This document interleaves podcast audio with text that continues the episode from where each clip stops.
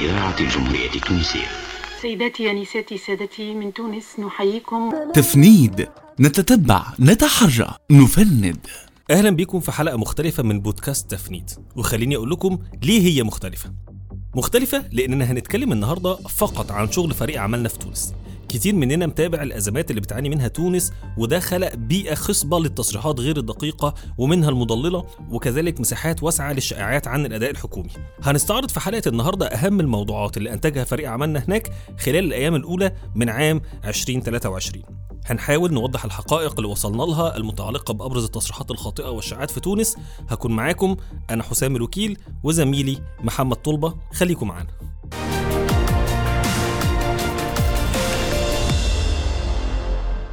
خلينا نبدأ بتصريح رصدته زميلتنا صفاء سيحي. قالوا حمادي البوبكري المكلف بالموارد المائية في الاتحاد التونسي للفلاحة والصيد البحري واللي كان بيتكلم عن انخفاض مستوى مخزون المياه في تونس وقال إننا لم نسجل هذا القدر من الانخفاض في مواردنا المائية منذ الاستقلال. زميلتنا صفاء توقفت عند التصريح وبالبحث اكتشفت إنه غير صحيح. وبالعودة لنشرة الوضعية العامة للسدود في تونس فالمخزون العام الحالي للسدود التونسية يقدر ب 639 مليون و960 ألف متر مكعب. الكلام ده كان يوم 11 يناير 2023 وده أكتر من أدنى مستوى تم تسجيله للسدود واللي كان عام 2016 لأن في الوقت ده كان المخزون بلغ 630 مليون و962 ألف متر مكعب. يعني المخزون العام الحالي أكبر بحوالي 9 مليون متر مكعب. وده كله وفقا لبيانات نشرة الوضعية العامة للسدود التابعة لوزارة الفلاحة. نتمنى إن الأمور تتحسن هناك ومخزون المياه يعود لوضعه الطبيعي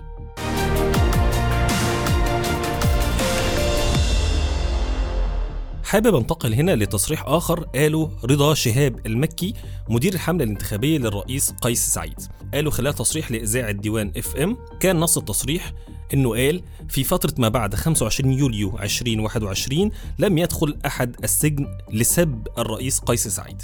زميلتنا نورهان كهنة تحرت حول دقة التصريح واكتشفت إنه غير صحيح. يوم 23 ديسمبر 22 محكمة الاستئناف العسكرية حكمت بسجن الصحفي عامر عياد لمدة شهرين والنائب عبد اللطيف العلوي شهر بتهمة ارتكاب فعل موحش ضد الرئيس وفي 14 فبراير 2022 المحكمة العسكرية حكمت بسجن ياسين العياري 10 شهور غيابيا بنفس التهمة. 18 نوفمبر سنة 21 منتدى الحقوق الاجتماعية كشف إن القضاء العسكري بيحقق في 10 قضايا منذ 25 يوليو بينهم أربع قضايا تتعلق بحرية التعبير. وفي نفس اليوم منتدى الحقوق الاجتماعية قال إن في نائبين سابقين وصحفي وناشط مثلوا أمام القضاء العسكري بتهمة الإساءة للرئيس. بالنهاية تصريح مدير الحملة الانتخابية للرئيس قيس سعيد كان غير صحيح وهناك مواطنين يحاكموا بتهم متعلقة بالحديث عن رئيس الجمهورية.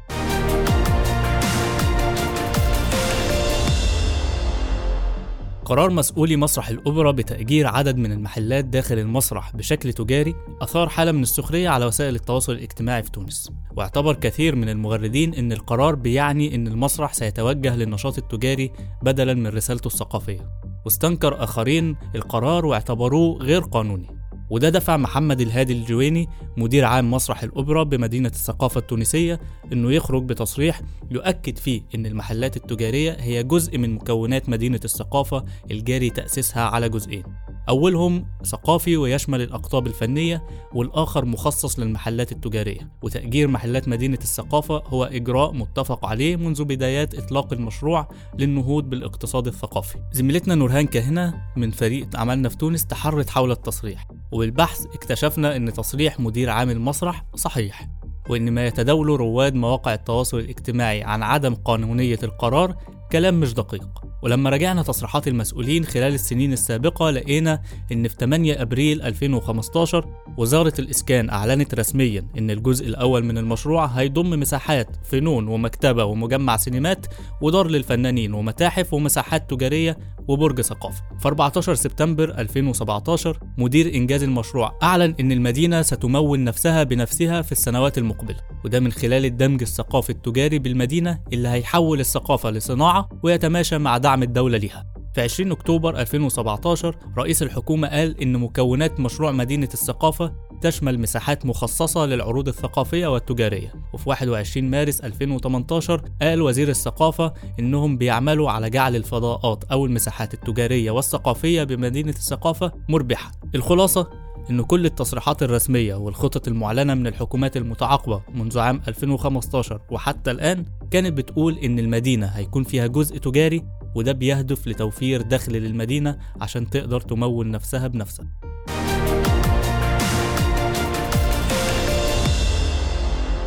آخر تحقق معانا في حلقة النهاردة هيكون عن تصريح لحاتم المليكي نائب سابق بالبرلمان التونسي. قال فيه إن بلدية روتردام تمتلك 50% من أسهم ميناء روتردام. وإنه تقدم بمقترح أن تمنح شركة الفسطاط اسهم للبلديات التونسية بغرض دفع التنمية على غرار بلدية روتردام في هولندا. زميلتنا صفاء سيحي تحققت من التصريح ووجدت إنه غير دقيق. وإن البلدية في روتردام بتملك 70% من المينا وليس فقط 50% بينما الدولة الهولندية تمتلك فقط 30% من الميناء. وبكده نكون وصلنا لنهاية حلقتنا النهاردة من التصريحات الخاطئة والشائعات في تونس. انتظرونا في حلقة قادمة من بودكاست تفنيد.